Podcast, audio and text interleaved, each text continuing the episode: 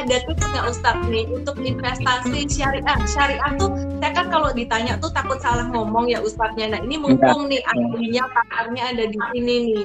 Kalau ya. berinvestasi syariah tuh perusahaan yang syariah tuh yang kayak gimana sih? Yang boleh gimana, yang nggak boleh gimana gitu? Uh, kalau di dunia aset manajemen kan sebenarnya uh, rada pasti ya, maksudnya nggak bilang nggak bilang ini sebagai sebuah uh, wilayah abu-abu karena pasar modal syariah kan sudah dibentuk, sudah hmm. ada bursa efek syariah juga sudah ada. Jadi perusahaan-perusahaan syariah yang mana saja yang kemudian kita boleh beli bisa beli itu sudah memang ada ada apa namanya listnya tersendiri. Jadi nggak bakal keluar uh, dari garisnya gitu. Misalnya oh ada perusahaan yang ngaku-ngaku syariah terus kita beli nggak bisa. Itu mesti hmm. perusahaan yang memang sudah terlisting di bursa efek syariah. Hmm. jadi menurut saya sih yang paling ini sekarang ini paling aman ini. Paling aman.